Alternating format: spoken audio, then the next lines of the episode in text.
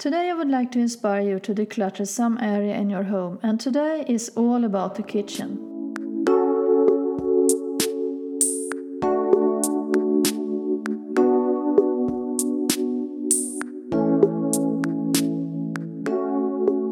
Welcome to my podcast Design a Simple Life. I'm your host Ylva, and I love to inspire you into a simplified and healthy life and lifestyle.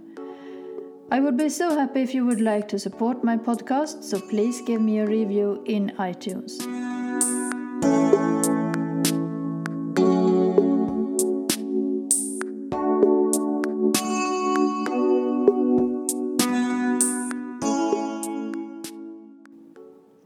Today was a perfect day for me to declutter the kitchen. If you know me, you know that I have decluttered a lot over time and it's a steady process. After years of decluttering in my home, I'm nearly a minimalist, I think, and maybe to be a minimalist is different from one to another. When we declutter our homes, there will be plenty of time to focus on things that we like. Sounds crazy, but it's true. If you haven't that all clutter, you don't either have to take care of them. Instead, you can take care about yourself and find your passion. Maybe you will find that your early hobbies has changed or maybe they're gone and you have to find new ones.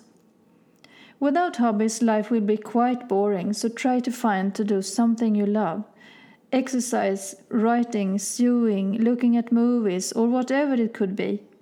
Everybody have different kind of hobbies, and it's only you who know what your hobbies look like. Today I took everything out from my kitchen cabinets. I sort them in categories and then it was easier to find, for example, how many vases I have and also how many I really need.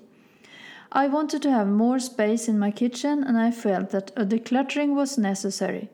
When I was in the decluttering mood, I thought about why I want to declutter so much and I figured that out quite easy.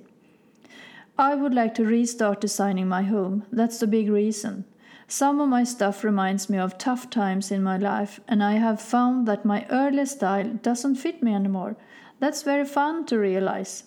So, what to do with all the stuff? I always ask my daughters if they would like to have something, and after that, I sell or recycle my stuff. It feels so good in my heart to give something to someone who need my old stuff that I no longer want to have. So, the conclusion of today's decluttering was a whole bunch of stuff I will let go. I love the feeling when old stuff going out from my home. Then I can design again and find new ones that fits me right now. I really love that. I have found that I rather declutter and clean up in my home instead of doing some kind of boring work. Nowadays, I know exactly where my things are situated in my home because I haven't so many things, and that feeling is unbeatable. So many times I have running around and didn't found my stuff. And that time is over and that's cool. So if you would like to change something in your life, start to clutter your home. I can promise you, you will get much more energy and happiness in your life.